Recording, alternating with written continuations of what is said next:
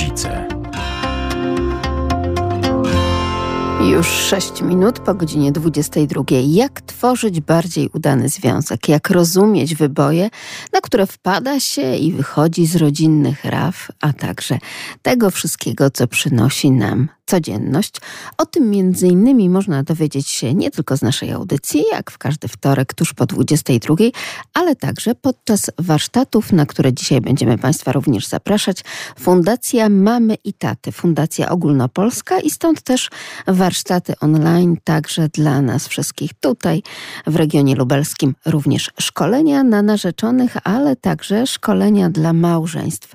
Warto poznać taki rodzinny, małżeński know-how, e, bo podobno będzie wtedy o wiele prościej rozwiązywać te codzienne problemy. Życie rodzinne może być jeszcze bardziej szczęśliwe, a większość kryzysów można rozwiązać. E, także teraz, w tym czasie, tuż przed świątecznym, być może warto o tym pomyśleć, być może warto stworzyć sobie taki nawzajem prezent. Jarosław Gołofit ten program zrealizuje, a sprzed mikrofonu kłania się Magdalena Lipiec-Jaremek. Dobry wieczór.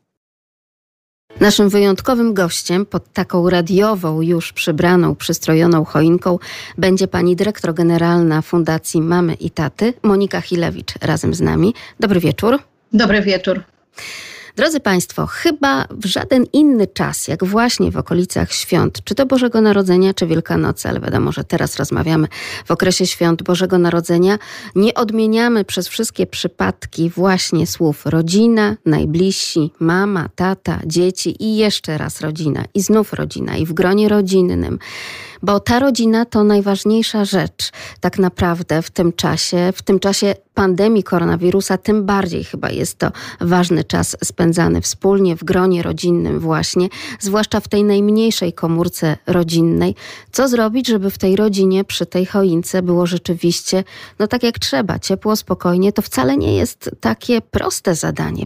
Na to de facto pracujemy cały rok, a nawet nierzadko i kilka ładnych lat. Tak, właściwie wyjęła mi to pani z ust, bo pracujemy na to praktycznie całe nasze życie, bo to, jak wygląda nasza rodzina, w dużym stopniu też zależy od wzorców, jakie mieliśmy i na co patrzyliśmy. Na to też składa się ten moment, kiedy młodzi ludzie się spotykają, zaczynają mówić o małżeństwie i, i zaczynają rozmawiać o tym, jak chcieliby, żeby wyglądało ich życie dobrze by było, żeby właśnie też o tym porozmawiali, bo bardzo często w tej euforii i adrenalinie miłości zapominają, żeby poruszyć ten ważny temat, no bo gdzieś tam w sercu kogoś tli się, jak dużo dzieci chcę mieć, prawda, na przykład, jak chciałabym, chciałbym, żeby ta moja rodzina wyglądała, jak chciałbym, chciałabym, żeby wyglądało to życie rodzinne, prawda, żeby nie bać się poruszać na wczesnym etapie w związku także tego tematu. To właściwie tak naprawdę, jak się zastanowimy, od czego jest instytucja narzeczeństwa, ten czas przygotowania do, do małżeństwa to jest właśnie po to, żeby móc się poznać, żeby móc omówić to, co jest, to jakie mamy oczekiwania, jakie są najważniejsze nasze wyobrażenia na temat naszej przyszłej rodziny. To jest taki ważny etap, który no, mam wrażenie, że w tym po pierwsze pośpiechu obecnie, po drugie w takiej troszkę płytkości relacji, a po trzecie też, no może w takim może nadmiernym przywiązywaniu wagi do uczuć, które są bardzo ważne. Emocje nas przecież e, w jakiś tam sposób ze sobą zetknęły, ale później te emocje trzeba przerobić na taką poważną decyzję o byciu razem. To nam trochę umyka, a jest rzeczywiście to jest bardzo chyba kluczowy etap zawiązywania rodziny. Te rozmowy o to, co jest naszym priorytetem, jak sobie wyobrażamy nasze życie codzienne, jak sobie wyobrażamy takie prozaiczne sprawy, jak, e, jak podział finansów nawet, albo właśnie wspólne finanse, albo czy to będzie wspólne konto, czy będziemy się jakoś dzielić. To jest, wydaje się, takie dziwne rozmawianie o tym na etapie narzeczeństwa, ale są to bardzo ważne tematy, które potem mogą albo pozbawić nas spokoju w naszej rodzinie, albo wręcz przeciwnie, właśnie ułatwić drogę i sprawić, że będzie gładka ta, ta droga małżeńska tuż obok tej drogi finansowania równolegle idzie droga, no właśnie, coraz częściej mówimy nie pomagania, tylko współdziałania razem w rodzinie, prawda? Żeby te obowiązki naprawdę, może nie to, żeby nawet był tak zwany podział obowiązków, ale żeby one się często nawet krzyżowały, czy po prostu w tych obowiązkach, żebyśmy się razem e, z mężem, z partnerem wymieniali. Tak, to jest bardzo istotne. Wydaje mi się, że właśnie rozmowa o tym jest o tyle ważna, że każdy z nas wynosi z domu jakiś tam model działania domu rodzinnego. I dla każdego ten model jest naturalny. A później te dwa modele się stykają i okazuje się, że każdy ma jednak inne wyobrażenia. Ja mam na to przykład z naszego życia rodzinnego, bardzo banalny, bo to jest przykład językowy. Mój mąż ma, to jest bardzo proste powiedzenie, yy, może być. W moim domu, lubelskim domu zresztą, może być oznaczało, no tak słabo, takie trzy z plusem. Może być, to znaczy ujdzie, ale bez przesady, znaczy nie jest super dobrze, ale może być. U mojego męża oznaczało to dobrze. Może być, to znaczy okej. Okay. No i proszę sobie wyobrazić, wychodzi żona z przymierzalni w ładnej sukience, pyta no i jak, a mąż odpowiada może być. I myślę, że ten, ta prosta, prosta historia, no długo się uczyliśmy e, tego słownika swojego, co to znaczy może być e, i teraz już to po tylu latach wiemy, ale wydaje mi się, że ta prosta historia obrazuje właśnie to, że z domu wynosimy jakieś e, całkowicie nieuświadomione nawet modele, które chcemy powielać, no i w momencie, kiedy one się stykają z e, wyobrażeń, wyobrażeniami, modelami, przyzwyczajeniami tej drugiej osoby i nie rozmawiamy o tym, no to to już na dzień dobry są, są e, powody do konfliktu. Więc my jako, e, wydaje mi się, że też doświadczeni małżonkowie też powinniśmy zachęcać młodych ludzi, żeby rzeczywiście o tym rozmawiali, jakkolwiek nie jest to, nie wydaje mi się to bardzo romantyczne to kto będzie y, sprzątał, bo tak naprawdę rzeczywiście warto sobie uświadomić, że, ta, y, że to gospodarstwo domowe, brzydko rzecz ujmując, jest nasze wspólne, że to jest nasza wspólna firma, to jest nasz wspólny biznes i chcemy, żeby się powiódł. I od tego, kto ma jakie talenty, kto w czym jest dobry, w czym się dobrze czuje na przykład, co mu przychodzi bardziej naturalnie, albo nad czym chciałby popracować, takie, takie właśnie role powinniśmy sobie nawzajem przypisać. Kolejna rzecz, jeśli jesteśmy już w tych przykładach rodzinnych, często też przywoływana przez pedagogów, psychologów e, rodziny, e, na przykład to stawianie talerzy czy pasty w łazience na tubce i tak dalej, e, szczoteczek w takiej, a nie innej kolejności. Z uśmiechem często podchodzimy do takich spraw, ale okazuje się, że one też w codzienności po prostu, zwłaszcza tej zabieganej, mają ogromne znaczenie. Co więcej, jak ogromnego znaczenia nabrały wtedy, kiedy tak dużo czasu zaczęliśmy spędzać w domu ze względów wiadomych pandemicznych. Tak, no to jest sztuka kompromisów. Tak naprawdę życie rodzinne to jest w ogóle sztuka kompromisów, dlatego rzeczywiście jeśli ktoś wychowuje się w rodzinie, nie mieszka sam, ma troszeczkę łatwiej później w kontaktach z innymi, bo, y, bo rzeczywiście jest y, to ścieranie się na co dzień, to dopasowywanie się do siebie po prostu przychodzi y, niezależnie od tego, czy chcemy, czy nie chcemy. No to był, wydaje mi się, rzeczywiście ten czas czas pandemiczny, czas takiego ograniczenia kontaktów był bardzo ważny dla, dla rodzin i jest nadal, bo uczymy się nawzajem od siebie mm, takiej tolerancji praktycznej, ale też mówienia tego, co naprawdę nam przeszkadza. No, są osoby, którym faktycznie no, ta pasta odstawiona, nie, nie, chodzi nawet o drobiazgowość, ale może ta pasta odstawiona nie tam, gdzie trzeba, po prostu może faktycznie jakoś mocno zaburza i z miłości do tej drugiej osoby możemy pracować nad tym drobiazgiem. To nie jest nic wielkiego, to też nie, nie jest od nas nie wiadomo jakie, jakie yy, poświęcenie, to żeby z miłości dla tej drugiej osoby po prostu faktycznie nad tą pastą popracować i, i z uśmiechem powiedzieć: Zobacz, dla ciebie, dla ciebie potrafię wszystko. No to jest moim zdaniem gest miłości bardzo piękny i, i osoba, wobec której taki, taki drobiazg jesteśmy w stanie wypracować w sobie, ta osoba wie, że jest naprawdę kochana. Już zaczynamy używać takich sformułowań, pani dyrektor chociażby zaczyna używać takich sformułowań jak wypracować, jak praca. Tak idąc nitką za tym, można by było pociągnąć szkolenie, warsztaty. I przecież w ostatnich latach polskie rodziny coraz częściej zaczęły myśleć o tym, jak dobrze byłoby podszkolić się na przykład w wychowywaniu dzieci. I rzeczywiście takich kursów, warsztatów, spotkań organizowanych, cyklicznych, czy też jednorazowych, czy teraz na przykład w sieci online mamy bardzo, bardzo dużo. Czyli jak wychowywać dziecko.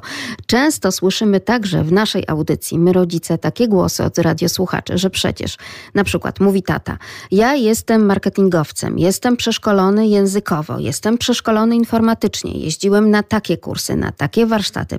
Pracodawca wysyłał mnie tu i tam po to, żebym był jak najbardziej kompetentny w tym, co robię, a na przykład na to, żeby być dobrym rodzicem, jeszcze nikt nigdy nigdzie mnie nie wysłał wysłał.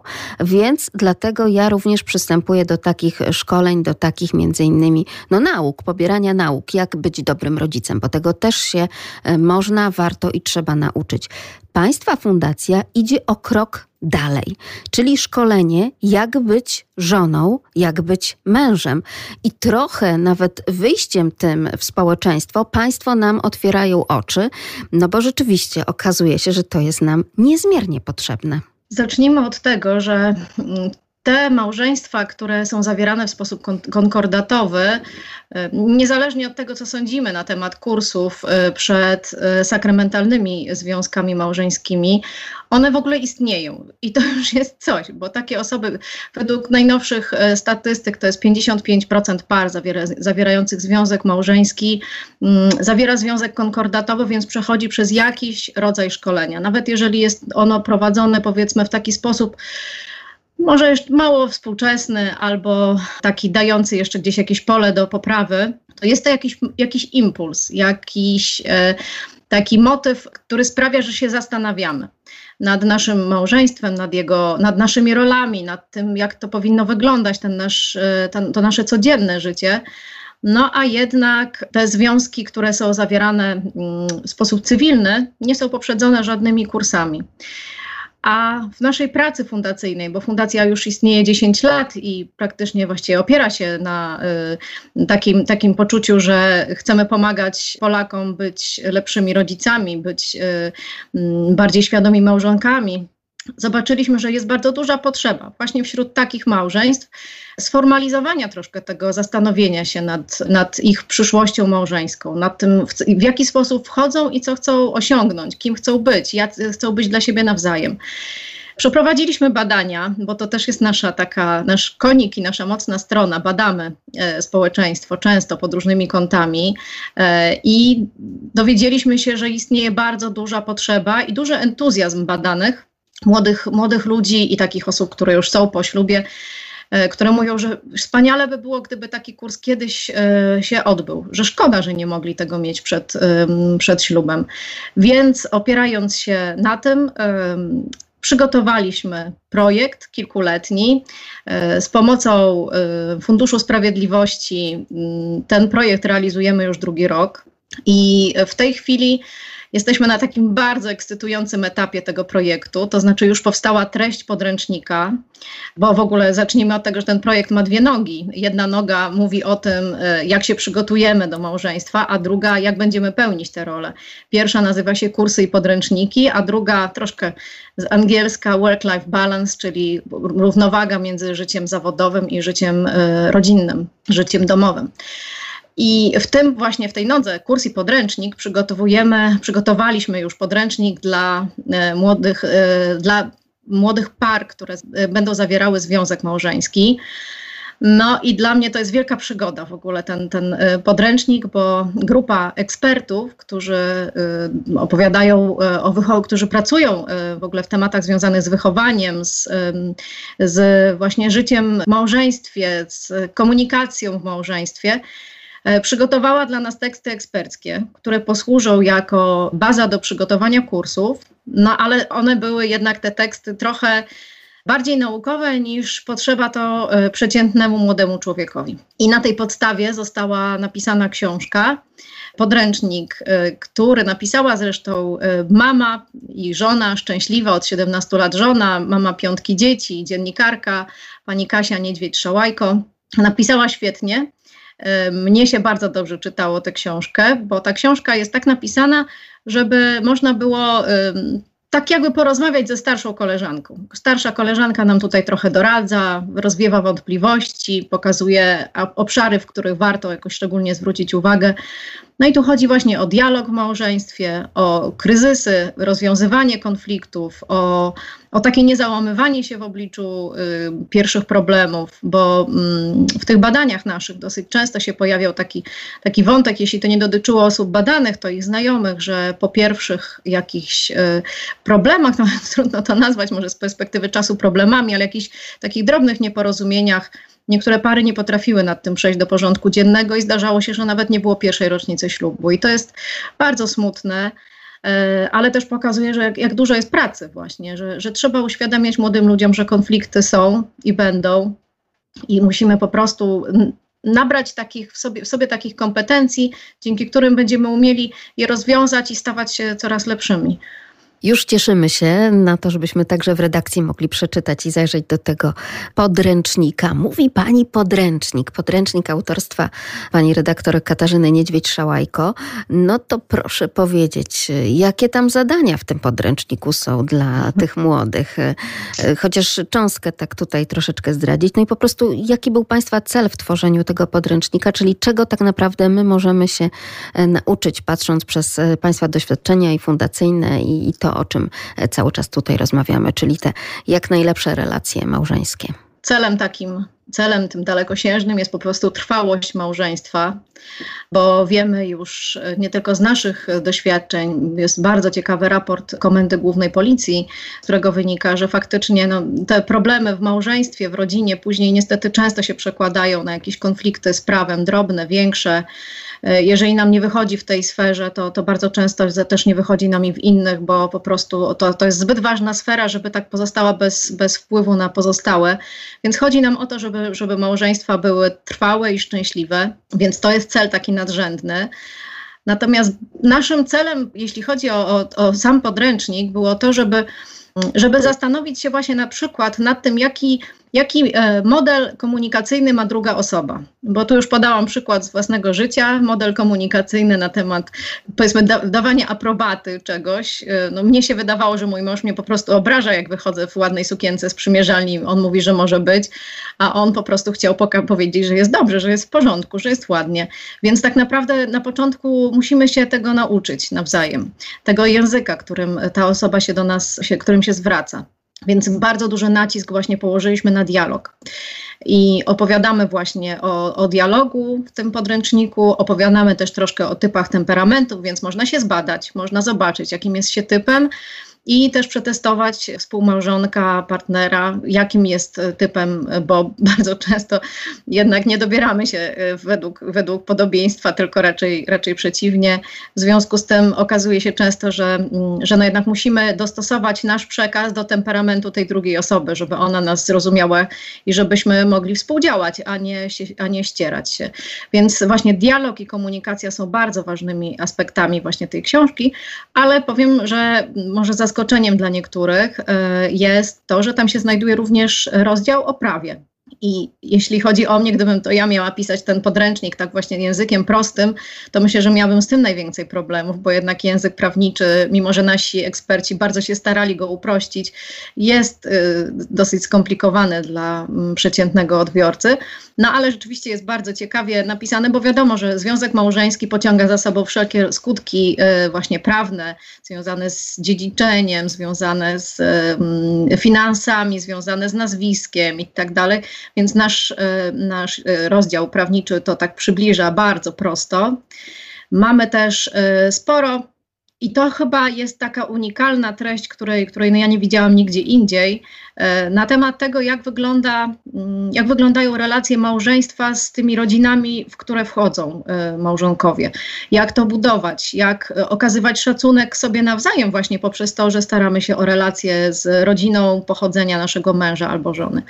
No i druga mm, taka też ważna, ważna część to jest, jak zmienia się życie rodzinne, życie małżonków po tym, kiedy się pojawia dziecko. Bo miałam okazję, to była dla mnie w ogóle wielka frajda, oglądać badania, nad podręcznikiem i słuchałam, słuchałam wypowiedzi osób, które są po ślubie bądź szykują się do ślubu. I bardzo dużo było właśnie, właśnie rozmów na ten temat, że dziecko, pojawiające się dziecko tak przewraca świat do góry nogami i dla niektórych jest to bardzo przykre, y, bo chcieliby, żeby to się nie zmieniło nigdy, ale wiadomo, że, że te puzzle rodzinne muszą się na nowo ułożyć i, i to oczywiście jest, ostatecznie ten obrazek jest ciekawszy, jak się pojawiają nowe elementy, ale trzeba się do siebie dotrzeć, więc, więc e, rzeczywiście jest to też taka ciekawa, ciekawy element tej książki. Co możemy zrobić, żeby nadal być rozumiejącą się parą, kochającą się parą, a jednocześnie być dobrymi rodzicami. Gdzie, y, jak na, tej, na tych dwóch szalach poukładać elementy, żeby, żeby czegoś nie zaburzyć. Także to są dwa takie takie rozdziały też, które wydaje mi się mogą być bardzo praktycznie wykorzystane w, w życiu młodych rodzin. I tutaj e, pani dyrektor znów łączy nam się to, o czym pani powiedziała, jeśli chodzi o statystyki Komendy Głównej Policji, czyli to, że bardzo często rozwód rodziców pociąga konflikt z prawem nie tylko samych tych osób dorosłych, ale bardzo często także ich małoletnich dzieci. I tutaj upatrywałabym jeszcze większe e, zagrożenie. Rzeczywiście te badania także i, i te wyniki tych badań również i takie sytuacje pokazują, prawda? A to jest bardzo często ostatnia rzecz, o jakiej myślimy, zakładając nową, szczęśliwą rodzinę po prostu. Tak, no tutaj tak naprawdę też z naszych badań wynika, że 30% e, osób, które są już po rozwodzie, e, mówią, że gdyby mm, wcześniej wiedziały, że można nad tym popracować, e, że można coś z tym zrobić, to, to, to prawdopodobnie nie poszliby drogą rozwodu. Więc to dla nas akurat ten, jest to bardzo dobra wiadomość, bo jeżeli, jeżeli ten nasz podręcznik pomoże młodym rodzinom młodym małżonkom tak ułożyć relacje i tak popracować nad potencjalnymi y, jakimiś obszarami y, konfliktowymi, że nie dojdzie do tego rozwodu, tylko właśnie będzie ta relacja rosła i, i, i udoskonalała się, no to w tym momencie jesteśmy, ma, ma, mają szansę te rodziny i myślę, że bardzo dużą szansę, że te konsekwencje właśnie rozwodu nie dotkną ani ich, ani, ani ich dzieci, no bo wiadomo, że mm, no, o tych konsekwencjach niestety myśli się najczęściej dopiero po tym, kiedy już krok, krok się dało do przodu, kiedy zapadła klamka i jest się po rozwodzie i widzi się, jaka to jest rzeczywistość. Więc, więc tak naprawdę nasz podręcznik też ma zada za zadanie być właśnie taką prewencją e, rozwodów. Zresztą dla nas jest to bardzo, jako fundacji bardzo ważny temat. Mamy za sobą kampanię Rozwód Przemyśl. To była to jedna z naszych głośniejszych kampanii e, bo właśnie mieliśmy okazję zaobserwować w badaniach, jak często rodziny, które są, małżonkowie, którzy są właśnie już po rozwodzie, e, dochodzą do wniosku, że trzeba było to zrobić inaczej, że szkoda, że nie popracowaliśmy wystarczająco dużo nad tym, żeby, żeby tego rozwodu nie było. Więc, e, a cierpią najczęściej, najbardziej cierpią na tym dzieci. Ale też i sami małżonkowie. No, mówi się o tym, że sam rozwód to po prostu też no, taka swoista żałoba, prawda? To jest tak, y, te wszystkie emocje i uczucia, które temu towarzyszą, to tak jakby przejść po e, śmierci osoby bliskiej. Państwa fundacja jest takim orędownikiem właśnie, chociażby w ramach tej kampanii Rozwód Przemyśl to, może nie tyle odstąpienia od pomysłu rozwodu, co po prostu pracy nad y, tą relacją małżeńską, prawda? Tak, praca nad, nad relacją jest e, swoistą szczepionką y, przeciwko y, takim ostatecznym rozwiązaniom jak rozwody i uważamy, że oczywiście wiadomo, że, że y, okres zakochania, okres, kiedy ma się motyle w brzuchu i, i czeka się bardzo na spotkanie z tą drugą osobą, gdzieś w końcu musi minąć. Taka jest naturalna kolej rzeczy i naturalny rozwój relacji. I bardzo wielkim błędem jest myślenie, że kiedy już właśnie tych motyli nie ma, kiedy, kiedy nie przestajemy cały dzień myśleć o tej drugiej osobie, to miłość się skończyła. Bo tak naprawdę miłość to dopiero wtedy ma szansę się rozwinąć, dlatego że miłość jest taką, jest, jest decyzją, że jestem z tym człowiekiem, że jestem, że zależy mi na jego dobru, zależy mi na jego szczęściu. I, i tak naprawdę dopiero wtedy to się zaczyna się miłość prawdziwa. Wcześniej jest jeszcze zakochanie, a bardzo często w takim, no popkultura nam nie pomaga, powiedzmy w ten sposób. Y, myślimy bardzo często o miłości właśnie jako o takim, o takim etapie mm, emocji, a, a później już, kiedy tych emocji nie ma, to wydaje nam się, że miłość się skończyła. O tym też zresztą mówimy w tym naszym podręczniku, y, bo, bo to jest właśnie taki mit, który mm, jest budowany przez piękne, wspaniałe piosenki, przez romantyczne komedie, ale tak naprawdę znacznie ciekawsze i bogatsze jest to, co się dzieje już później, po tym jak już, już ten ślub wzięli i dopiero, i dopiero zaczynają żyć razem, zaczynają, zaczynają um, uczyć się siebie nawzajem. Ja um, muszę powiedzieć, no może już mówię to z perspektywy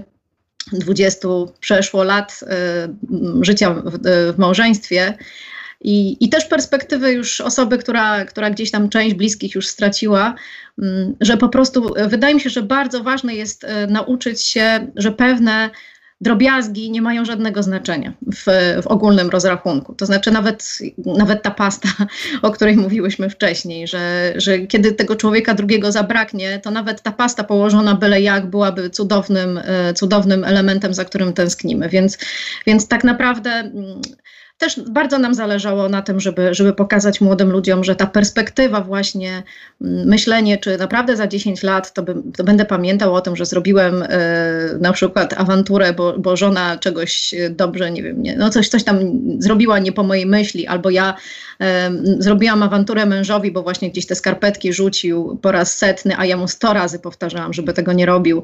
Oczywiście warto pracować nad sobą, trzeba właśnie z miłości dla tej drugiej osoby, ale też warto mieć ten dystans, znaczy myśleć sobie, że co jest najważniejsze. Najważniejsze jest, żebyśmy byli razem, a, a z tych trudności i z tych jakichś złych nawyków jesteśmy w stanie wyjść. Miłość jest po prostu tą y, dojrzalszą siostrą tego pierwszego naszego zakochania, tak? Dojrzalszą, czyli mamy tutaj no, na myśli jednak to, że nabiera troszeczkę tej właśnie dojrzałej mądrości, tak po prostu. Mówią Państwo też o tym, że z jednej strony młodzi mogą powiedzieć, no ale my się przecież tak kochamy, a Państwo mówią, no dobrze, dobrze, ale miłość chyba też tak nie zawsze wystarcza. Tu trzeba coś więcej, czyli właśnie trzeba chociażby zajrzeć do tego podręcznika i pracować ciągle nad sobą. Tak, Zdecydowanie tak. Znaczy miłość, wydaje mi się, że wszystko tak naprawdę zależy od definicji miłości. No, jeżeli miłość zdefiniujemy jako, jako takie właśnie emocje przyjemne, y, jako y, takie właśnie oczekiwanie na bycie razem, na spędzany czas razem i tak dalej, no to to jest po prostu rzeczywiście taka miłość, y, taka miłość nie wystarczy. Znaczy takiej miłości, taka miłość długo nas nie, nie poniesie. Ona jest bardzo ważna. Bez tego elementu zakochania prawdopodobnie nie, nie spotkamy spotkalibyśmy się, nie bylibyśmy razem, dlatego że w, gdzieś nam coś nas zachwyciło w tej drugiej osobie i jeżeli nas zachwyciło, to, to zbudowało te pozytywne emocje. Ale tak naprawdę miłość to jest później kolejne lata bycia razem, y, czasem znoszenia y, z uśmiechem jakichś takich nawyków tej drugiej osoby, które może niekoniecznie nam się podobają, ale, ale no nie są ostatecznie jakąś taką strasznie ważną rzeczą. E, miłość to też jest cierpliwość do, do, do tej osoby właśnie, żeby pomagać jej, żeby mogła się stawać coraz lepsza, ale też i cierpliwość do samego siebie, żeby pracować nad sobą. Myślę, że ważnym elementem miłości jest rzeczywiście to chęć bycia razem, może już niekoniecznie takie obsesyjne myślenie o sobie cały czas, bo my wtedy nie moglibyśmy ani pracować, ani nic innego, ani żadnych innych obowiązków wykonywać, ale rzeczywiście mm, takie mm, stawianie y, w roli priorytetowej czasu spędzanego tylko we dwoje. To jest zdecydowanie bardzo, bardzo dobry przejaw miłości.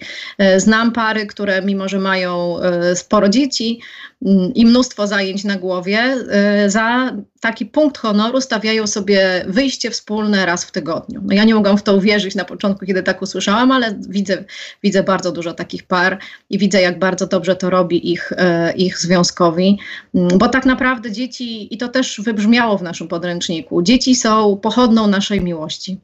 I dzieci są pochodną naszego bycia razem. Znaczy, wspaniale, że są, cieszymy się, że są. E, troszczymy się o nie, opiekujemy się, ale wychowujemy je dla świata. One wyfrudną i bardzo dobrze. I, i źle byłoby, gdyby nie wyfrunęły, gdyby zostały z nami na, na, na zawsze, mm, jeżeli nie ma oczywiście takiej konieczności, e, to, to, to lepiej, żeby poszły w świat i zakładały swoje rodziny i robiły dobre rzeczy dla innych. A my jesteśmy razem i to jest najważniejsze. Najważniejszy jest właśnie ta, ten mąż dla żony, a żona dla męża. Dzieci są e, bardzo ważne, ale dzieci, dzieci są, dzieci właśnie wyfruną, dzieci pójdą z tego gniazda, zostaniemy my sami i to, ile my popracujemy nad naszą relacją przez te wszystkie lata, będzie tak naprawdę procentowało później, kiedy już tych dzieci nie będzie, kiedy nie będzie tego rozpraszania innymi rzeczami, czy będziemy się cieszyć sobą dalej, czy będziemy umieli razem spędzać czas, czy już tylko będzie to takie trwanie razem. I czy będziemy umieli ciągle jeszcze ze sobą rozmawiać, nie nadużywając tych słów, bo ty to zawsze, bo mhm. ona to nigdy. Pamiętamy te przecudowne kazania dla małżonków, czy także po prostu dla młodych ludzi, chociażby księdza Pawlukiewicza, z pewnością znane również i pani, pani dyrektor, przypomnę razem z nami dyrektor generalna Fundacji Mamy i Taty Monika Hilewicz. I nawet to, jak wiele teraz, chociażby już nawet e, po śmierci księdza Pawlukiewicza, poszukujemy takich rekolekcji swoistych dla rodzin, dla rodziny, dla małżonków, dla narzeczonych, że jest jakiś głód na rynku tego, żeby nam ktoś to po prostu z boku uświadomił. Myślę, że to jest bardzo taka naturalna potrzeba. Y, może ona się też troszkę wiąże z tym, że gdzieś te więzi międzypokoleniowe troszkę się rozluźniły y, z powodu, z powodu migracji.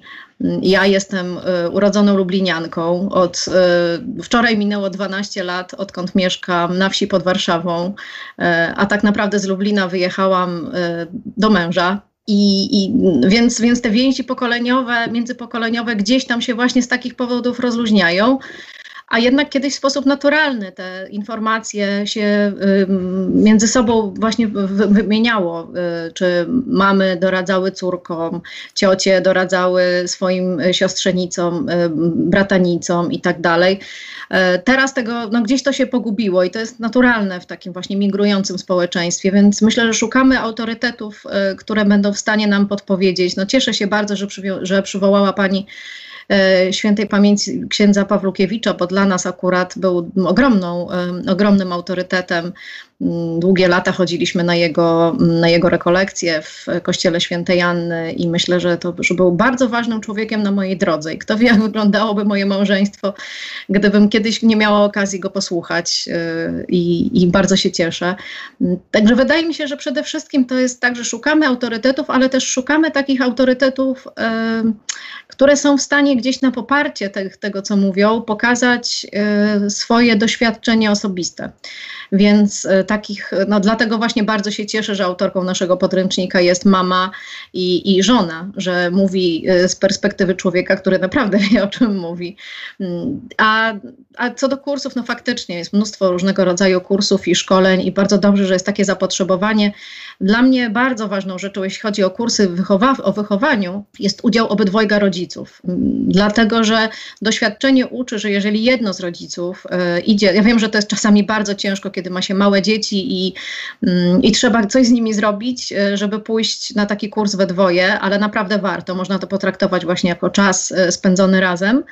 Natomiast no, doświadczenie uczy, że jeśli jeden z rodziców idzie na kurs, poznaje coś nowego, jakieś nowe sposoby, nowe pomysły, próbuje je wprowadzać w życie, ta druga osoba nie zawsze to rozumie, bo ona nie była na tym szkoleniu, nie słyszała tego bezpośrednio z ust osoby prowadzącej, słyszy jakieś tam Mm, powiedzmy y, elementy tego, tego przekazu właśnie od współmałżonka i bardzo często na tym, na tym tle y, gdzieś jakieś konflikty się pojawiają, bo albo na przykład ta druga osoba nie rozumie, albo nie potrafi tego wprowadzić w życie, więc wprowadza tylko jedna osoba, a kiedy mama mówi co innego, tata mówi co innego, no to dzieci mają pewien, e, pewien dysonans i nie wiedzą, jak mają, jak mają postępować, więc to jest taka moja rada mm, bardzo e, no, poparta naprawdę obserwacjami, że, że warto, jeśli się szkolimy, jako rodzice na przykład, to żebyśmy to robili razem, nie, nie pojedynczo, bo żeby to nie generowało niepotrzebnie sytuacji trudnych. Dlatego bardzo często prowadzący takie warsztaty i szkolenia, sama byłam na takim szkoleniu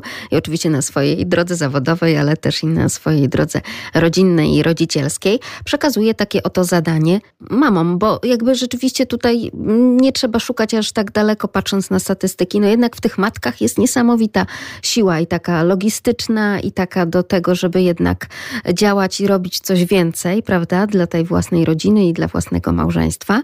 Jednak te matki częściej pojawiają się na takich e, warsztatach, spotkaniach, są jakby bardziej, nie wiem, ciekawe też tych nowoczesnych rozwiązań w kluczu wychowawczym i prowadzący na takich zajęciach przekazuje takie oto zadanie. Proszę na następne spotkanie przyprowadzić mężów, tatusiów. I wtedy Jest to się to sprawdza. Bardzo sposób. I wtedy to się sprawdza. Praca domowa świetna do odrobienia i potem, żeby razem wspólnie e, nad tym pracować. Powiedziała Pani o tym, żebyśmy poznawali rodzinę tego narzeczonego, tej narzeczonej. I tutaj już słyszę nawet takie z ust do ust bardzo często przekazywane powiedzenie, ale po co przecież ja się nie będę żenił z jej rodziną, tylko z nią. I znowu gdzieś tam w tle głowy odzywa się ten głos babci, często nawet prababci, ale słuchaj, dobrze jest pójść tam do domu, poznać, zobaczyć, jak on żył, jaki przez to jest po prostu, jak, jest, jak został ukształtowany. Tutaj nawet taki oto przykład pokazuje, jak szalenie to jest ważne. Pani mówiła tutaj o tym szacunku, no bo na jednej strony szali tego życia rodzinnego mamy oczywiście kwestię związaną na przykład z tymi dowcipami o teściowej, na drugiej szali z tym, jak to dobrze jest żyć też z teściem i z teściową, tak, no bo są genialnymi dziadkami na przykład dla naszych dzieci i też pomagają tej młodej rodzinie po prostu. Natomiast później, proszę bardzo, lepiej jednak się jest poznawać, tak? Niekoniecznie oddzielać tamto życie grubą kreską. Mnie, muszę powiedzieć, bardzo poruszył jeden właśnie z wywiadów, e, który mieliśmy z, w czasie badania naszego podręcznika. Bardzo ciekawa mama, pani, 35-latka, e, powiedziała coś, co no, ze mnie wycisnęło łzy, prawdę powiedziawszy bo opowiadała o tym, kiedy zobaczyła, jaki, jaka jest treść podręcznika, powiedziała, że ją bardzo cieszy właśnie ta, ten nacisk na relacje z rodziną y, współmałżonka, Mm, powiedziała, że kiedyś bardzo ją e, zaangażowała się w dyskusję na e, jakiejś grupie internetowej, gdzie mamy, mm, jedna z mam zastanawiała się, czy pojechać do teściów na Wigilię, bo teściowa złośliwie wymyśliła Wigilię o 19.30, a jej E, a jej dziecko ma taki rytuał, znaczy oni mają rytuał z niemowlakiem, że o 19.30 to ani minuty wcześniej, ani minuty później kąpią um, dziecko i to jest bezwzględnie najważniejsza czynność, ta 19.30, a teściowa wrednie o 19.30 wymyśliła Wigilię. No, Wigilia zwykle jest wieczorem, więc to mnie trochę zaskoczyło, że, że w ogóle to był temat, ale ta pani powiedziała, że dla niej najbardziej bolesne było to, że ta, mm, ta młoda mama nie y, zapytała nawet swojego męża, co on na to, co on na to czy, czy idziemy, nie idziemy. Ona zapytała koleżanki na, na grupie i, i w to się oczywiście bardzo długa taka dyskusja się wywiązała na ten temat. Niewiele osób było broniących stanowiska teściowej, a tak naprawdę to jest ogromnie ważne. I ta pani właśnie powiedziała, że że to, że ja z szacunku dla mojego męża pójdę na te 19.30, na, na tę wigilię, bo wiem, że jemu na tym zależy, to jest przejaw miłości. I właściwie wydaje mi się, że nawet nie ma co więcej dodawać do tego. To była, to była bardzo wzruszająca rozmowa e, i wydaje mi się, że to jest właściwie bardzo ważny, bardzo ważny aspekt, bo w gruncie rzeczy tak naprawdę no, nasz, nasi partnerzy, nasi mężowie mają swoje wady, tak samo jak my, ale mają też mnóstwo zalet, które prawdopodobnie zostały ukształtowane przez rodziców. E, rzadko się zdarza, żeby rodzice naprawdę nie włożyli w to dziecko nic i, i, i tak naprawdę tylko, tylko negatywne, negatywne rzeczy można by im przypisać. Więc tak naprawdę nawet taka elementarna wdzięczność e, wobec rodziców naszego, naszego męża, naszej żony mm, jest, e, jest jak najbardziej uzasadniona i, i jest, jest wyrazem właśnie naszej miłości też wobec tego współmałżonka, bo tak naprawdę to, że, że spotkałam kogoś, kogo, kogo pokochałam, no to ten człowiek kiedyś spędził ileś lat w domu tych, tych ludzi, swoich rodziców, więc, więc ta relacja jest, jest relacja oparta na szacunku, niezależnie od tego, jacy to są ludzie, bo osobowościowo możemy się kompletnie nie zgadzać, ale tak naprawdę jest bardzo ważne, żeby był ten szacunek wobec, wobec swojej rodziny nawzajem. Zresztą wiadomo, że nikt nie lubi, jak się krytykuje e, jego rodzinę, nawet jeżeli się z tą krytyką w głębi serca zgadzamy. To oczywiście my możemy sobie krytykować, ale jeśli ktoś, ktoś obok to mówi, no to to już jest zazwyczaj nie do zaakceptowania. I bardzo często o tym zapominamy, kiedy, kiedy, kiedy właśnie wchodzimy Mm, w relację z drugą osobą, e, że, że to bardzo rani uczucia, kiedy, kiedy ktoś właśnie krytykuje naszą rodzinę I, i myślę, że warto czasami to odnieść w tym momencie do siebie, pomyśleć jak ja bym się czuła, gdyby, gdyby właśnie ktoś w ten sposób mówił o, o mojej mamie, o moim tacie, o, o domu, z którego pochodzę. Także to są bardzo ważne rzeczy, to jest kwestia delikatności po prostu wobec tej drugiej osoby, ale bardzo często o tym zapominamy. Jakoś tak łatwo nam się, nam się tę krytykę, mm, wychodzi nam z ust. No ja muszę powiedzieć sama, że mam cudowną teściową i, i naprawdę nie mogłabym sobie życzyć lepszej. Ale, ale to też jest kwestia wielu lat, które spędziłyśmy razem, mm, budując te relacje. I jeszcze jeden taki bardzo piękny przykład a propos tego szacunku właśnie dla teścia, dla teściowej, czy z jednej, czy z drugiej strony. Kiedy to w dniu urodzin e, żony mąż telefonuje do teściowej mówiąc dziękuję ci, że to ty taką żonę mi urodziłaś, tak? To są takie bardzo piękne, ciepłe akcenty rodzinne. Na początku gdzieś naszej rozmowy powiedziała pani, jak właśnie małe znaczenie w takim ogólnym rozrachunku życiowym mają jakieś takie drobiazgi jak chociażby to, czy w roku tym czy tamtym byliśmy na wigilii u jednych czy u drugich rodziców, czy też gnaliśmy z jednej wigilii na drugą, to też nas uczy niesamowitej pokory. Pokory i wdzięczności, bo do momentu, kiedy, kiedy rzeczywiście musimy gdzieś żonglować e, tymi wyjazdami, tymi e, odwiedzinami, e, tym kalendarzem, czy do której godzinie wigilia, a dlaczego już muszę się spieszyć do tych drugich i tak dalej, to często może być dla nas irytujące okazuje się, że powinniśmy byli być wdzięczni za to, że mamy kogo odwiedzać, że możemy, że możemy się spotkać, że nadal, mm, nadal jeszcze chcemy się ze sobą widywać, prawda? No to ja wiem, że dla, zwłaszcza dla młodych małżonków to jest zawsze trudny temat. A czy do moich rodziców na, najpierw pójdziemy, albo czy pierwszy dzień świąt z moimi, czy z twoimi i wolałoby się. Każdy ma swoje jakieś tam rytuały wigilijne i wolałby być u siebie w domu, w swoi, ze swoją rodzi- u swoich rodziców, a nie u tych drugich, ale to jest ogromna wartość wartość, że my możemy, że jest ta różnica, że, że u jednych jest inaczej, u drugich jest inaczej, u takich są takie potrawy, że twoja mama robi barszcz na słodko, a twoja mama robi barszcz na, na e, pikantnie i, i w sumie jest to zupełnie inaczej niż u mnie w domu, ale tak naprawdę to są te szczegóły, te drobiazgi, które budują taki koloryt naszego życia i teraz nagle jak się okazuje, że to okazuje się, że to w gruncie rzeczy było, było fajne i dobre i, i, i chcielibyśmy do tego wrócić. Za to wszystko, co okazuje się, że było takie normalne, naturalne i wręcz uciążliwe, a okazuje się, że było gdzieś jakimś sednem naszego życia. Ale też słyszymy takie głosy również i od naszych radiosłuchaczek, czy także od mam, które często także przemawiają do słuchaczy właśnie poprzez mikrofony Polskiego Radia Lublin, że cieszą się tak naprawdę na te bardziej kameralne z przyczyn oczywistych święta, że może będzie to takie głębsze, głębsze przeżycie takie w tym wewnętrznym gronie i jeszcze bardziej umocni rodzinę.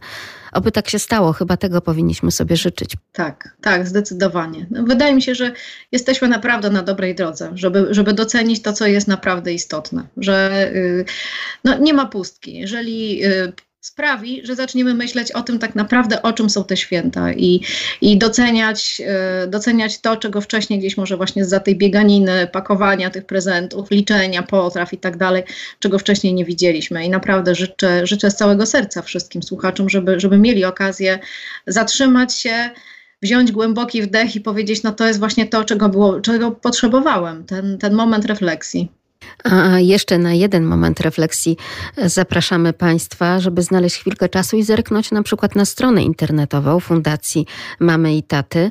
Dlaczego warto? Warto nie tylko e, dzięki temu, że możemy tam już e, przeczytać, gdzie i jak zdobyć podręcznik Katarzyny Niedźwiedź-Szałajko. Natomiast e, warto zerknąć, żeby zobaczyć, jakie jeszcze działania Państwo szykują, jak można Państwa wspomóc w tych działaniach i gdzie na przykład spotkać się z Państwem. No teraz wiadomo, że w świecie internetu internetu jak najbardziej. Teraz tak, tysiąc testowych egzemplarzy przygotowanych dla tych małżonków, którzy będą brali udział właśnie w takich testowych kursach. Jak się później potoczy e, historia tego podręcznika, zobaczymy. Ja mam ogromną nadzieję. Na pewno będzie do obejrzenia i ściągnięcia w, w formie PDF-u. Mm, ja mam nadzieję, że w jak najwięcej rąk trafi w postaci książkowej, bo będzie piękny. Ja jestem z niego bardzo dumna. Natomiast no, jestem też dumna z różnych innych działań fundacji. W tej chwili mm, jesteśmy w trakcie mm, już podsumowywania takiego projektu Rodzina na antenie, gdzie y, w gronie ekspertów przygotowaliśmy bardzo dużo ciekawych artykułów na temat życia rodzinnego, na temat relacji, na temat tego, jak spędzać wspólnie czas, jakie książki czytać, co jest akurat moim konikiem. Mamy mm, na naszej stronie zakładkę, e, która, która właśnie rodzina na antenie, która kieruje do, do tych e, artykułów. Myślę, że to jest wielka kopalnia E, takiej wiedzy praktycznej, jak budować relacje w domu, jak sobie radzić z problemami, bo od tego też nie uciekaliśmy, zwłaszcza, że no, ten rok rzeczywiście za nami taki trudny, gdzie też i relacje z naszymi dorastającymi dziećmi mogą być y, utrudnione ze względu na, no, na tę wszechobecną, y, wszechobecną dominację mediów społecznościowych, w które są nasze dzieci zaangażowane. No, o tym wszystkim mówimy, chcemy jak najwięcej pomagać polskim rodzinom i myślę, że tutaj jest e, no, bardzo, bardzo ciekawa lektura. Do, można sobie spędzić troszkę czasu w tej przerwie między świętami a Nowym Rokiem czytając, bardzo polecam. Rodzina na antenie, to bardzo radiowo brzmi, więc tak, tym bardziej zajrzymy tam oczywiście z ogromną dozą radości. Dużo zdrowia dla Pani rodziny, dla wszystkich rodzin zrzeszonych w Fundacji Mamy i Taty. Do tych życzeń dołączamy, żeby pod tą choinką rzeczywiście była mama, był tata, były dzieci, żeby była ta pełna zdrowa, zdrowa i jeszcze raz zdrowa i szczęśliwa rodzina. Życzenia takie są, że mają być takie górnolotne, więc takie oto życzenia Państwu przekazujemy. Razem z nami była dyrektor generalna Fundacji Mamy i Taty Monika Hilewicz. Bardzo pięknie dziękuję za rozmowę. Dziękuję za gościnę na bardzo miłej antenie. Wszystkiego dobrego. Do usłyszenia.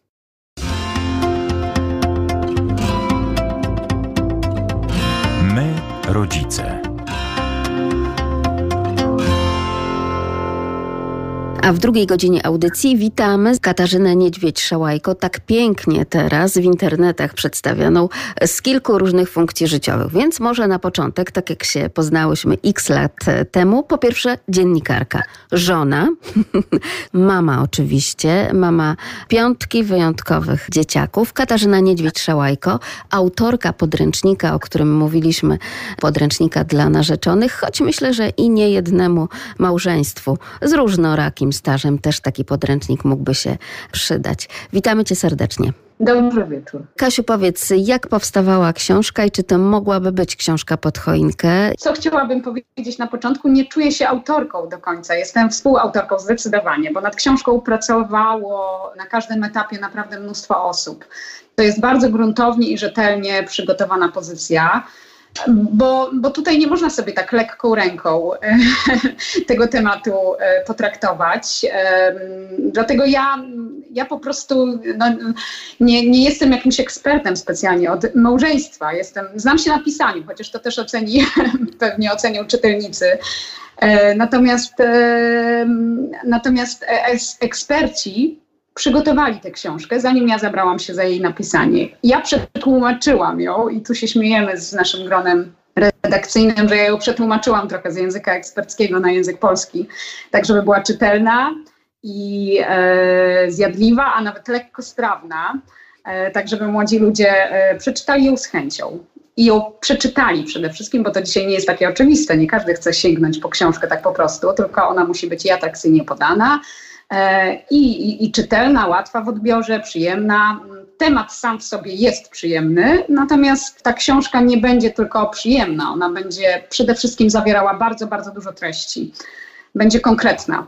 Jacy eksperci nad tym pracowali, czyli jakby jakie dziedziny tutaj zostały też po prostu uwzględnione w tym podręczniku? E, jest rozdział prawo na przykład, w którym tutaj moje umiejętności tłumacza musiały się bardzo, e, bardzo przydać, e, bo, bo sami wiemy jak to jest z przepisami prawa, które czasami czytamy po kilka razy i niewiele z tego rozumiemy. Więc, więc tutaj zostało to mm, bardzo mocno przetłumaczone na język ludzki. I jest bardzo dużo treści w tym, w tym rozdziale, jest bardzo dużo informacji, tak żeby ludzie, młodzi ludzie, biorąc ślub, zaczynając e, w tą, tą historię swojego małżeństwa, byli przygotowani także pod tym kątem. E, jest e, rozdział przygotowany, kilka rozdziałów jest przygotowanych przez psychologów, przez ekspertów od, od, od małżeństw już stricte, którzy się którzy się gdzieś tam specjalizują w tej tematyce. E, mamy, już tu zerkam nawet do mojego, do wersji mojej na komputerze, mamy e, rozdział o dialogu i komunikacji w małżeństwie. Jest to też bardzo obszerny rozdział, bo temat ważny. Dynamika miłości, kryzys. Temu tematowi po, poświęcamy naprawdę dużo miejsca, bo wychodzimy z założenia, że nie tyle trzeba się Mm, jakby y, ustrzec kryzysu, kryzysom, bo, bo to jest niemożliwe tak naprawdę w związku, co trzeba się do nich przygotować, by być świadomym, że nadejdą i nauczyć się y, przez nie przejść po prostu razem, tak żeby one nas wzmacniały w małżeństwie, a nie y, działały destrukcyjnie, nie żeby to małżeństwo y, rozbijały. Mamy też temat bardzo obszerny i to myślę, że w tej audycji radiowej będzie istotne. Temat pojawienie się dziecka. Ten temat bardzo często też wiąże się z jakimś pierwszym kryzysem, na przykład w małżeństwie, bo przychodzi czas, kiedy, którego się zupełnie nie spodziewamy, albo mamy jakieś zupełnie mylne wyobrażenie na temat tego, co, co, co, co za sobą ten czas przyniesie. Przychodzi zmęczenie, pierwsze nieprzespane noce, e, jakieś kompletne zmiany. To są po prostu, to jest zmiana, zmiana, zmiana i e, weryfikuje się nam krąg, krąg znajomych. E, po prostu zmienia się totalnie wszystko i nie każdy jest na to gotowy. Czerpie informacje z jakichś e, portali parentingowych, z Instagrama, gdzie ten świat jest nieco podkolorowany, a my chcemy obalić pewne, pewne stereotypy, pewne tabu.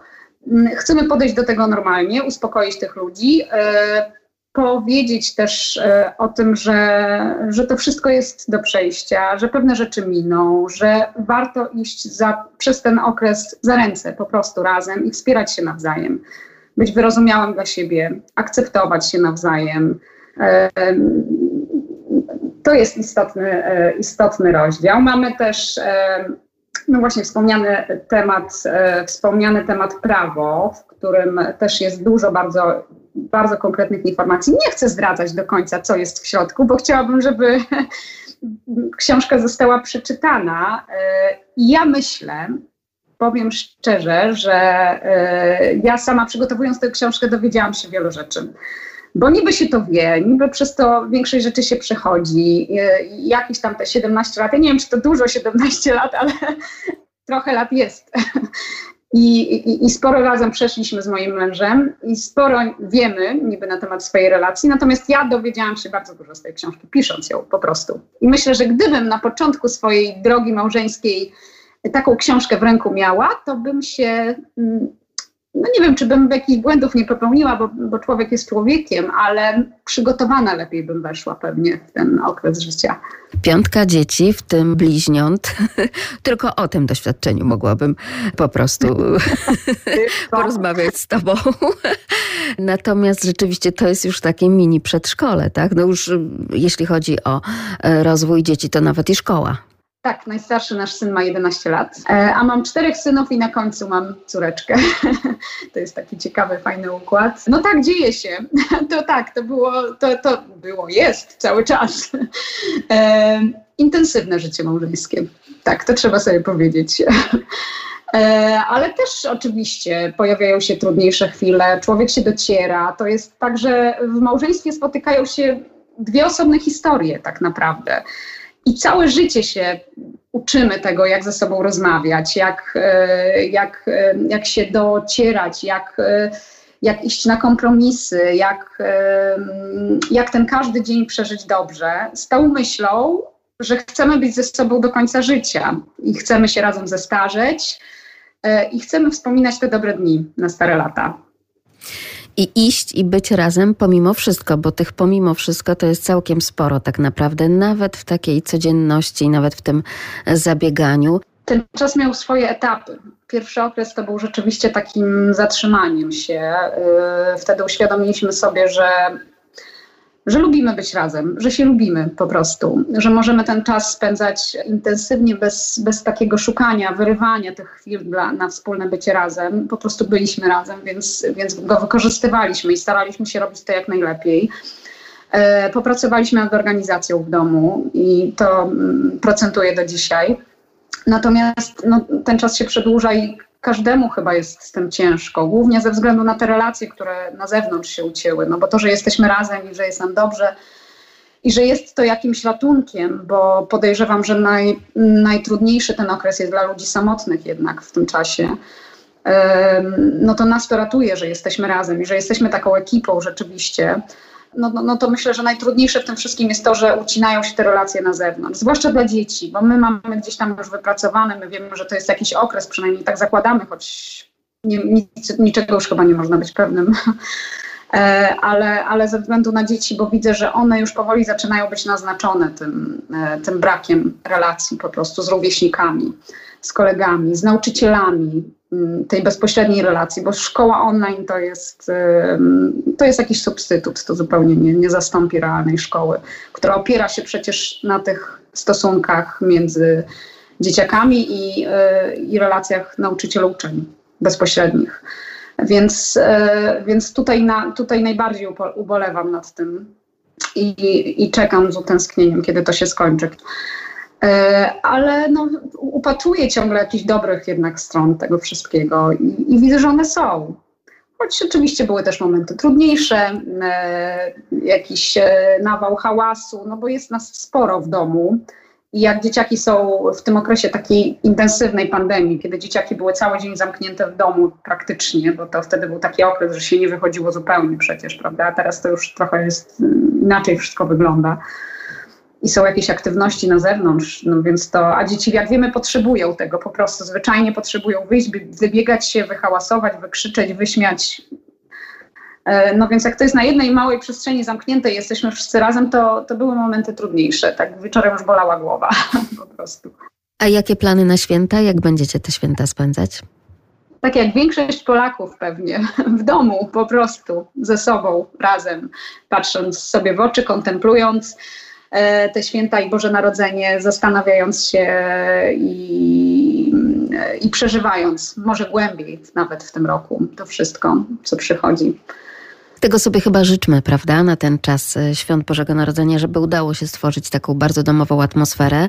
Jeśli chodzi o czas e, tegoroczny pandemii, ale też i czy świąt wielkanocnych, czy teraz świąt Bożego Narodzenia, to rzeczywiście pojawiają się takie głosy i takie głosy słychać w rozmowach, że jak to dobrze, że my mamy te dzieci, jak to dobrze, że jesteśmy z tymi dziećmi, jakże trudno byłoby nam przeżywać ten czas. Mówimy często, że no najbardziej cierpią oczywiście osoby starsze, starsze, odseparowane, często także właśnie od swoich wnuków, i to jest bardzo bolesne dla obu stron, i dla tej młodszej, i dla tej starszej. Rzeczywiście mówią o tym psycholodzy, że dzieci zacieśniają więzi z rodzicami i bardzo dobrze, ale niestety rozluźniają te więzy samoistnie z dziadkami przez e, te wszystkie lockdowny. Natomiast e, rzeczywiście te osoby, które są e, singlami, te, które nawet są w małżeństwie, ale jeszcze nie zdecydowały się na dzieci, no mówią o tym, że, że to jest bardzo trudne, że to dziecko by się teraz przydało. Nawet tak technicznie ten czas jest po to, tak dużo tego czasu domowego, że można by go było właśnie przekuć na to dobre wychowanie, opiekę, troskę o dziecko. Więc te dzieci są szczęściem, są błogosławieństwem, prawda, na ten czas. są wielkim błogosławieństwem. Nasza najmłodsza córka urodziła się w pandemii, mówimy o niej, że jest dzieckiem pandemii. I jak pytałaś o ten czas, e, właśnie jak, jak my go rodzinnie spędziliśmy, czas pandemii tegoroczny, to, to taka, takim największym wydarzeniem, zdarzeniem tego okresu były właśnie narodziny najmłodszej siostrzyczki i córeczki. I dzięki temu, paradoksalnie, że, że było to zamknięcie, my mieliśmy ogromnie dużo czasu i takiego spokoju na to, żeby się nad nią pochylić i rozkoszować się tym okresem. I ona tak naprawdę wypełniła nam go po brzegi i to było no, takie cudowne w tym wszystkim. Także mogliśmy się cieszyć tym cudem narodzin, wszyscy razem, tacy zjednoczeni, nie w tym biegu, nie, nie, nie w tym takim szaleństwie codzienności, które zawsze nam towarzyszy, tylko tylko mogliśmy się zatrzymać nad nią po prostu.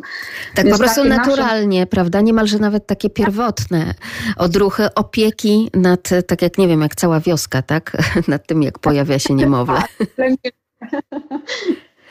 Bo wracając do tego podręcznika dla narzeczonych, ten rozdział o tym, kiedy pojawia się dziecko, nie zniechęca oczywiście do tego, żeby te dzieci posiadać. Nie, absolutnie, absolutnie. To jest tak, że yy, znaczy ten rozdział skupiony jest głównie na tym, że na relacjach między małżonkami, bo o małżeństwie jest ta książka. Więc nie na samym dziecku, czy pielęgnacji, czy opiece nad dzieckiem, no bo no to już na osobny podręcznik.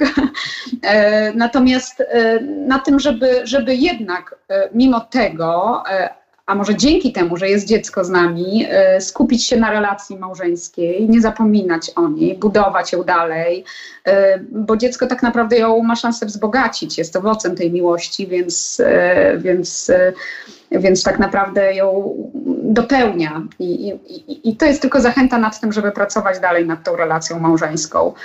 E, w jakimś takim względnym spokoju, choć oczywiście z tym bywa różnie, bo, bo jest stres, zwłaszcza jak jest to pierwsze dziecko, no to wiadomo, wszystko jest nowe.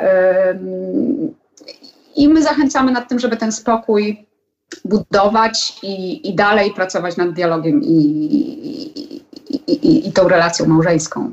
Każdy gdzieś dziecko widział, prawda? Ale kiedy przychodzi do nas w rodzinie na świat, tak wie jak wygląda, e, to się okazuje, że to jest rzeczywiście kosmos. Z drugiej strony, no każdy gdzieś te pary małżeńskie widział, obserwował, na przykład, nie wiem, swoich rodziców. Natomiast kiedy sam wchodzi w związek małżeński, no to też przydałby się chyba jednak taki podręcznik, tak? Ja myślę, że to jest świetna sprawa, dlatego że y, tak naprawdę małżeństwo to jest całkiem nowy etap w życiu, naprawdę nowy etap w życiu i wchodzimy w niego z jakimiś swoimi wyobrażeniami, nadziejami i potem przychodzi jakaś proza życia. Zazwyczaj wyobrażamy to sobie bardziej w ramach poezji. Natomiast przychodzi pro, proza życia, przychodzi ta codzienność, przychodzą różne e, czynniki zewnętrzne. Każdy z nas wchodzi z jakimś bagażem doświadczeń z przeszłości, ze swoimi rodzinami pierwszymi e, i, i, i te dwa światy się zderzają. I teraz tworzymy coś zupełnie nowego i z założeniem, że tworzymy to na resztę życia. Więc e, warto wejść w ten etap po prostu przygotowanym i świadomym tego, co chcemy, co warto robić, co warto przeprowadzić, co nas czeka, że ta zmiana jest realna. My zupełnie nie straszymy, absolutnie. Natomiast e, podchodzimy tak bardzo realistycznie do tego, co, co przychodzi, z wielką nadzieją i z, i, i, i z taką optymistyczną wizją tej przyszłości. Natomiast, e, natomiast radzimy się uzbroić w wiedzę po prostu.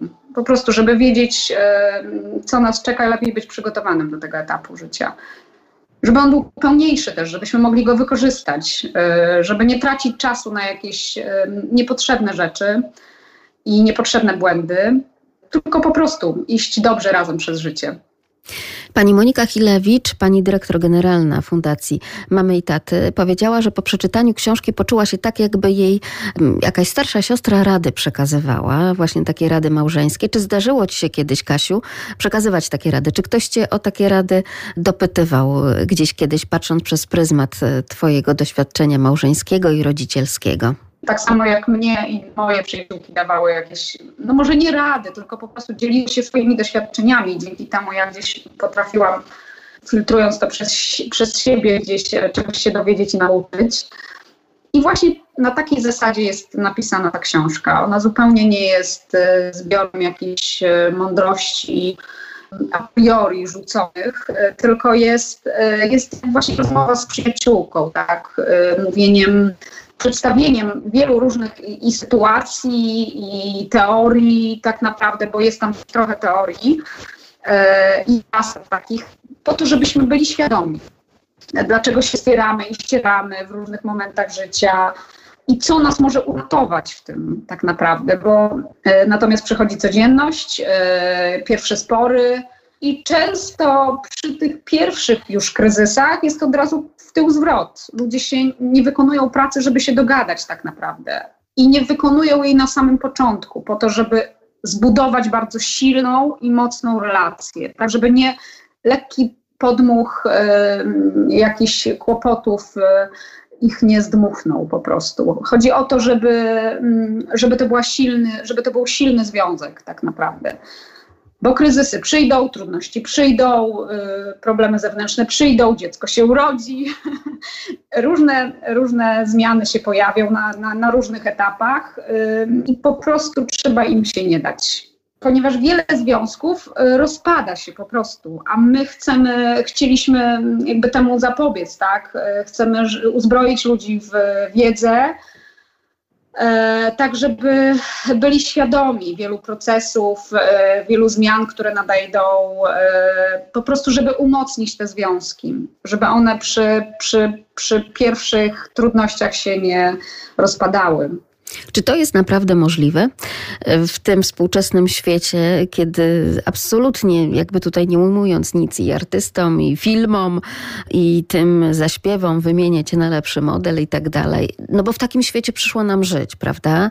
Takiej bardzo szybkiej konsumpcji, nie przywiązywania się do jakiejkolwiek nawet rzeczy, które nas otaczają. Nie ma celebrowania, e, nie wiem, sprzętów, jakichś pamiątek. Po prostu takie rzeczy już nie istnieją, bo po prostu ciągle jesteśmy w takim kieracie nakręcenia szybciej, więcej i coś nowego, i coś nowego. Podobnie ze związkami, podobnie z relacjami na tym wczesnym etapie tak zwanego spotykania, chodzenia, randkowania, jakkolwiek tego e, nie nazwać e, teraz, jeśli chodzi o młodych ludzi, prawda? To są bardzo szybkie, krótkotrwałe relacje i też często takie szybkie i krótkotrwałe małżeństwa mamy. Dokładnie tak. Takie mamy czasy i taki przekaz jest wszech, wszechobecny tak naprawdę. Ludzie wchodzą w małżeństwo i nie zastanawiają się, co dalej. A przy pierwszej, lepszej trudności robią w tył zwrot i, i odchodzą, po prostu trzaskają drzwiami. Natomiast małżeństwo, to jest, i o tym piszemy w książce, to jest bardzo odpowiedzialna decyzja przede wszystkim, także pod tym kątem prawnym, bo, bo taki, jak już wspomniałam wcześniej, rozdział jest i tutaj też im uświadamiamy, że, że tak naprawdę to jest, no jakby nie było, ważna decyzja i ona niesie ze sobą konkretne skutki. E, natomiast przede wszystkim na tym poziomie emocjonalnym, bo, bo, bo, bo jeżeli mówimy sobie to przysłowiowe tak, tak, jeżeli decydujemy się być ze sobą do końca życia, no to bądźmy dojrzali i konsekwentni. Po pierwsze, podejmijmy tą decyzję świadomie, po drugie, po drugie bierzmy, jakby no, no realizujmy to, finalizujmy to i realizujmy to do końca. I jeżeli pojawiają się trudności, to nie uciekajmy, tylko się z nimi zmierzmy. E, I, I myślę, że tak, wracając do Twojego pytania, czy to jest możliwe w dzisiejszym świecie, myślę, że jest możliwe tylko właśnie trzeba być uzbrojonym w tę wiedzę. Trzeba wiedzieć, po pierwsze, w co, na co się decydujemy, e, że małżeństwo to nie jest e, jakiś twór z tych kolorowych czasopism, e, komedii romantycznych, które zazwyczaj kończą się na ślubie, bo tam jest ten happy end, a, a co się dalej dzieje, tego już nie wiemy. Nie jest też pięknymi, ułożonymi kadrami z Instagrama czy Facebooka. E, tylko jest życiem, naszym życiem, które mamy jedno i e, to, jakie mm, tu na Ziemi przynajmniej, i to, jakie przeżyjemy, zależy od nas. I, i to, jakie sobie nawzajem uprzykrzymy albo umilimy e, w małżeństwie, też zależy od nas, od nas obojga. Więc ta praca jest żmudna, trudna, codzienna, męcząca i tak dalej, ale jest potrzebna i nas uratuje tak naprawdę. Ta praca nad związkiem, nad relacją, nad byciem razem, nad dialogiem wspólnym. To jest, to jest nasz ratunek tak, tak naprawdę, bo możemy sobie oczywiście z łatwością zrobić z życia piekło nawzajem, bo każdy z nas jest człowiekiem, jest jakiś na swój sposób jest egoistą, natomiast przy odrobinie wysiłku, może nie odrobinie, czasem jest go więcej, czasem mniej, ale możemy sobie zrobić piękny raj na ziemi. Jak Wam udało się zrobić piękny rodzinny raj? Czy rzeczywiście taki rodzinny y, raj, czy gdzieś tam jednak jest też i to kwaśniejsze jabłko w tym raju? Co jest sukcesem Waszego małżeństwa i Waszej rodziny? Och, E, tak, to jest ta praca codzienna tak naprawdę. My się oczywiście też docieraliśmy. Oboje z mężem jesteśmy silnymi charakterami i, i, i gdzieś tam każdy z nas chciał walczyć o niepodległość na różnych etapach naszego związku, e, naszego małżeństwa. E, duży wkład w to nasze, ten nasz spokój taki i, i to umocnienie relacji E, miały nasze dzieci po prostu. I ta świadomość, że są, mm, że są wspaniałym spoiwem, E, i, i, wnoszą ogromną radość i, i, szczęście do naszego domu. To naprawdę jest, e, to naprawdę jest wielki, wielki, wielki, wielki dzięki im za to. E, natomiast no, no, tak musieliśmy długo walczyć o to, żeby gdzieś tam zrozumieć pewne rzeczy, bo człowiek jest młody, wchodzi w, decyduje się na małżeństwo i, i ma swoje oczywiście wyobrażenia i one się później odbijają od ściany nieco. No ale dziś jesteśmy starsi, trochę, troszkę mądrzejsi i wiemy już, że y, o, o pewne rzeczy nie warto kruszyć kopii.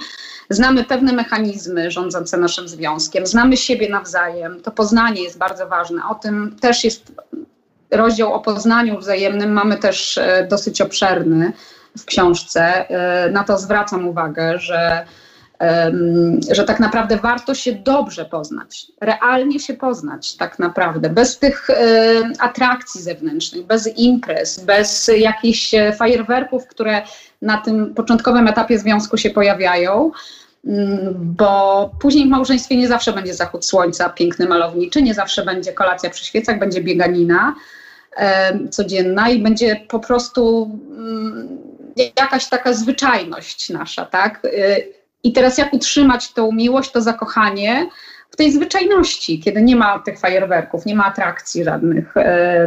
Nam się to z mężem udaje i jesteśmy ogromnie wdzięczni sobie nawzajem, że to, e, że to jakoś ma szansę trwać i, i naprawdę to zakochanie utrzymujemy mimo tylu lat razem. To jest niezwykłe.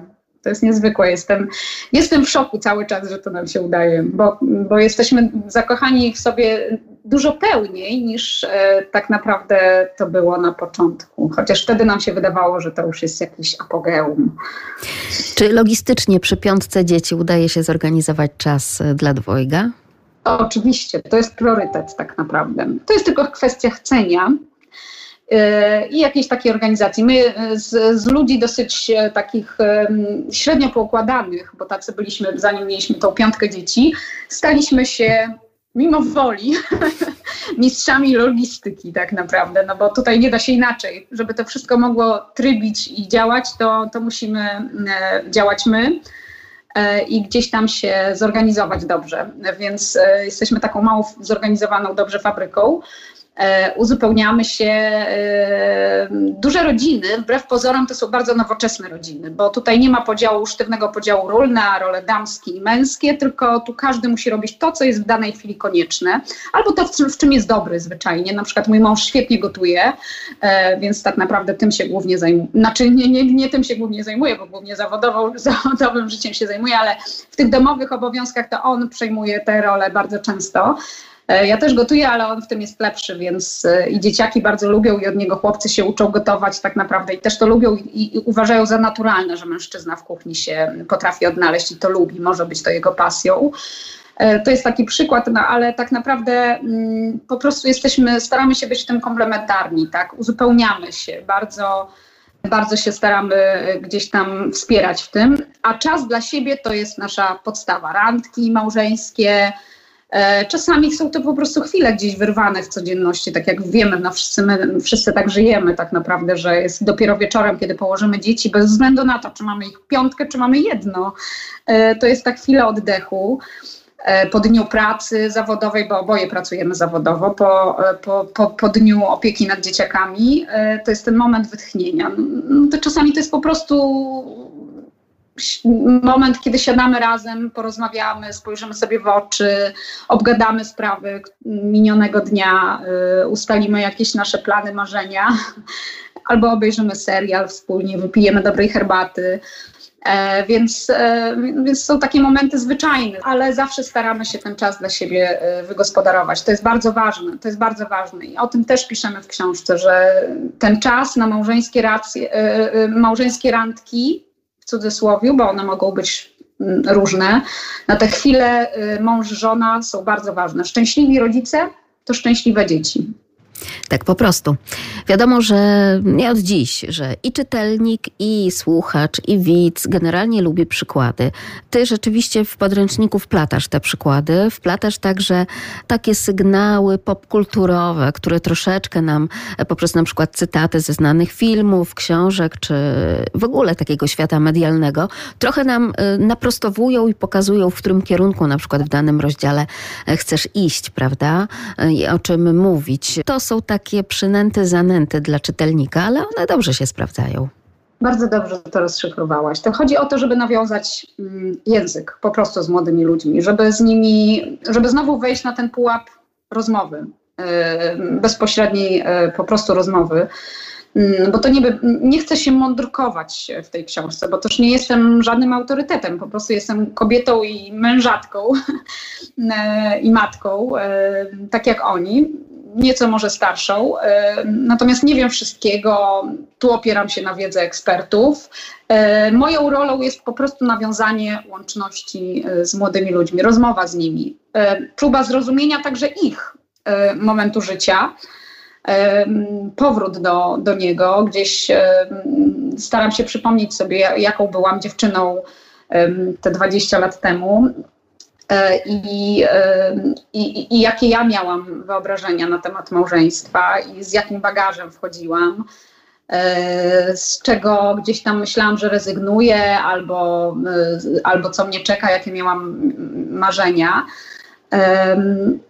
I, i, I, staram się ich zrozumieć po prostu, z wiedzą taką, jak, jak, jak to wygląda we współczesnym świecie, no bo przez te 20 lat trochę się zmieniło tak naprawdę. Więc tak staram się mówić ich językiem. Przez to, że obserwuję też i media społecznościowe i mam kontakt z młodymi ludźmi, to, to wydaje mi się, że, że gdzieś tam ich rozumiem i, i, i jestem w stanie mm, ich językiem mówić. Zresztą nadal uważam się za dosyć młodą osobę. I tak trzymać. Natomiast chyba trudno jest rzeczywiście tym młodym ludziom myśleć generalnie o małżeństwie. Trochę to małżeństwo w ostatnich latach było takie odsączane od czci i wiary. Dla wielu też y, może być taką obawą to, jak wiele rozwodów ostatnio mamy także w Polsce, prawda? W czas pandemii swoją drogą też podniósł te statystyki rozwodowe. Więc y, ta młodzież, która myśli o tym zawarciu związku małżeńskiego, wcale nie jest w komfortowej sytuacji tak naprawdę. Och, bardzo nie jest w komfortowej sytuacji. Czasy są naprawdę dla małżeństwa trudne. Zewsząd jesteśmy bombardowani e, rozwodami, rozpadami związków, separacjami, e, po prostu tym, tą nietrwałością, taką tymczasowością wszystkiego na, na każdym, e, na każdym poziomie. Małżeństwo jest, nie pozostaje wyabstrahowane z tej rzeczywistości zupełnie. E, ludzie wszystko robią na chwilę, wchodzą, wychodzą, nic ich to nie kosztuje. Natomiast no, w małżeństwo nie można i nie powinno się wchodzić bezkarnie, tak jak do teatru. E, w małżeństwo powinno się wchodzić e, dojrzale. Trzeba przemyśleć ten temat mocno, wiedzieć, że tego się na pewno chce I, e, i jakby no, e, na zgliszczach wiele się nie zbuduje tak naprawdę. Jeżeli roz, roz, rozpadnie się jeden związek, jedno małżeństwo, to później widoki na to, że, że ułożymy sobie na nowo życie trwale, też się gdzieś tam nasze, nasze proporcjonalnie to się wszystko, nasze szanse się zmniejszają. Wobec tego warto od początku, zarania małżeństwa, pracować nad trwałością tego związku tak naprawdę.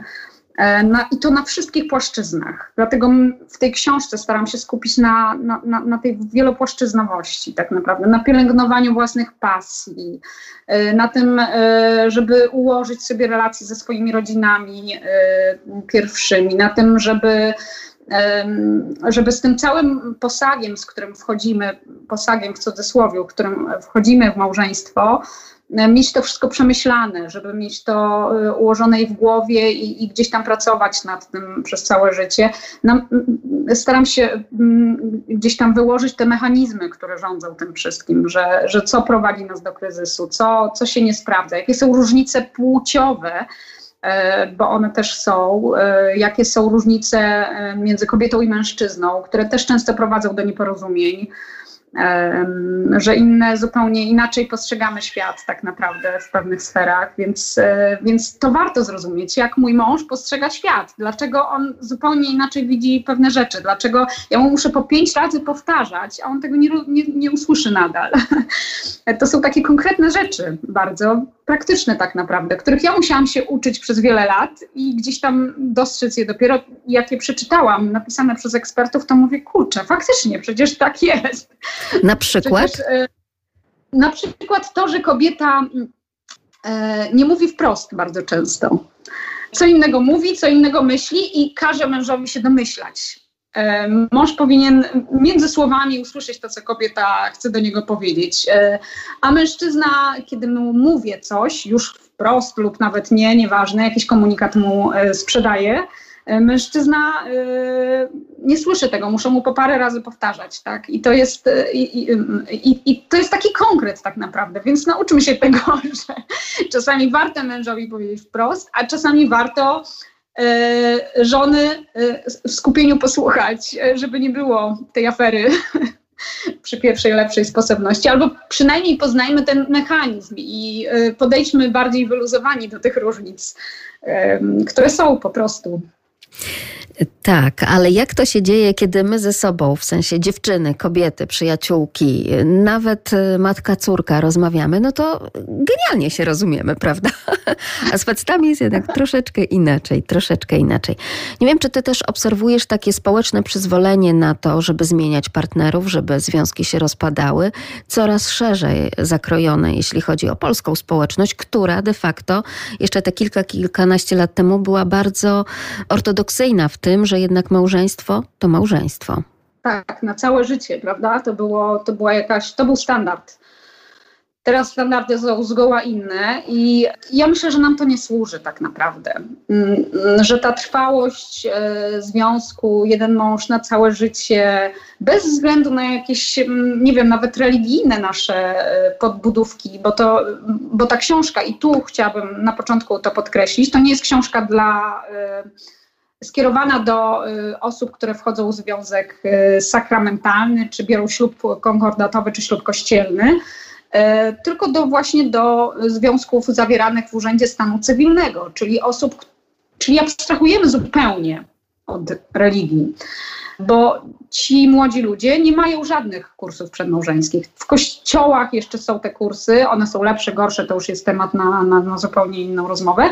Natomiast w, przed ślubem cywilnym zupełnie nie ma żadnych przygotowań, żadnych kursów, żadnych e, podręczników. Tak. Mm, czerpiemy wiedzę z internetu albo z autopsji, najczęściej lub od jakichś cioć e, i koleżanek e, ich doświadczeń, czasem trudnych często jest to wiedza wypaczona wobec tego, więc, więc e, tym bardziej uważam, że ta książka jest bardzo potrzebna, po prostu tak realnie potrzebna, e, po to właśnie, żeby te związki były trwalsze, bo to jest główne założenie tego podręcznika, żeby te książki, żeby nie książki, żeby małżeństwa, przepraszam, były trwalsze, żeby małżeństwa e, były trwałe na całe życie.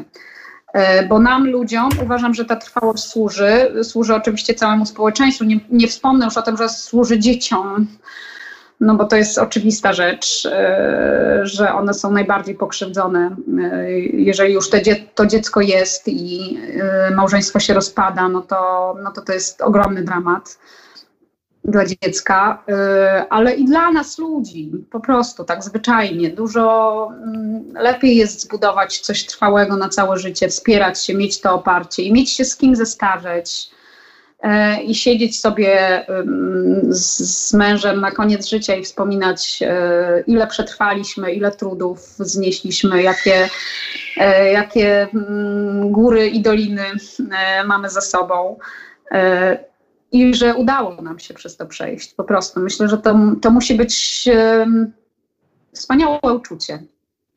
I myślę, że tak samo trudnym uczuciem musi być to, kiedy jesteśmy na starość sami i wiemy, ile drzwi za sobą zamknie, zamknęliśmy, y, jak łatwo się poddaliśmy w pewnych chwilach, y, jak nie udało nam się wiele rzeczy razem. Myślę, że na koniec życia to jest, y, to jest taka, taka podstawowa refleksja. I oby nie w kategoriach porażki, a jednak zwycięstwa. Tego sobie życzmy. No już podjęłaś też ten temat wiary. Wierzymy, że po raz kolejny narodzi się Jezus Chrystus, więc życzmy sobie wszystkiego dobrego. Czy wiara też e, pomaga w małżeństwie? Tak. No, mnie i mężowi pomaga bardzo. To jest, e, to jest taki silny filar, tak naprawdę na tym etapie y, początku naszego małżeństwa, y, kiedy rzeczywiście się docieraliśmy i byliśmy mocno zaskoczeni tym, co się dzieje wokół nas, y, to był taki, mm, to był taki wspornik bardzo intensywny, dlatego że świadomość tego, że, że to jest małżeństwo sakramentalne, że jest od góry pobłogosławione i i, i trwałe przez to, i że nie możesz przy lepszej pierwszej sposobności po prostu zamknąć drzwi i sobie wyjść, tylko we wspólnym interesie musisz, musisz pracować nad tym, żeby było dobrze i żeby ta codzienność była nie tylko znośna, ale i wspaniała. E, to ta świadomość pomaga tak naprawdę. To jest taki, to jest to jest, to jest duża pomoc tak naprawdę, bo pewnie małżeństwo cywilne łatwiej jest po prostu y, przerwać. Natomiast małżeństwa kościelnego nie da się przerwać. To jest małżeństwo zawarte przed Bogiem i zawarte raz na całe życie. E, więc trzeba zrobić wszystko, żeby było dobrze po prostu. Tego sobie życzmy. Bardzo pięknie dziękuję Ci za to świadectwo, a także za refleksje dotyczące małżeństwa. Dziękuję, że udało się wyrwać tę godzinę z życia mamy, pięciorga dzieci. Słyszę, że chyba córeczka daje znak, że już wystarczy, już wystarczy. Dziękuję, że w tym okresie przedświątecznym poświęciłaś naszym radiosłuchaczom tak dużo czasu. Dużo, dużo zdrowia dla całej Twojej rodziny. Wszystkiego dobrego. Trzymajcie się ciepło, zdrowo i szczęśliwie tak jak do tej pory. No i gdzieś do zobaczenia i do usłyszenia w lepszych czasach i zapraszamy do Lublina. Och, dziękuję bardzo. Dziękuję Magda, dziękuję Państwu. Życzę dobrej nocy, spokojnej, dużo zdrowia i pięknego Bożego Narodzenia. A tak oto zaczynamy świętować już radiowo niemalże to Boże Narodzenie z Katarzyną Niedźwiedź-Szałajko. Bardzo pięknie dziękuję za rozmowę. Dziękuję bardzo, a sprzed mikrofonu kłania się Magdalena Lipiec-Jaremek. Do usłyszenia. Dobranoc, dobrych, zdrowych świąt.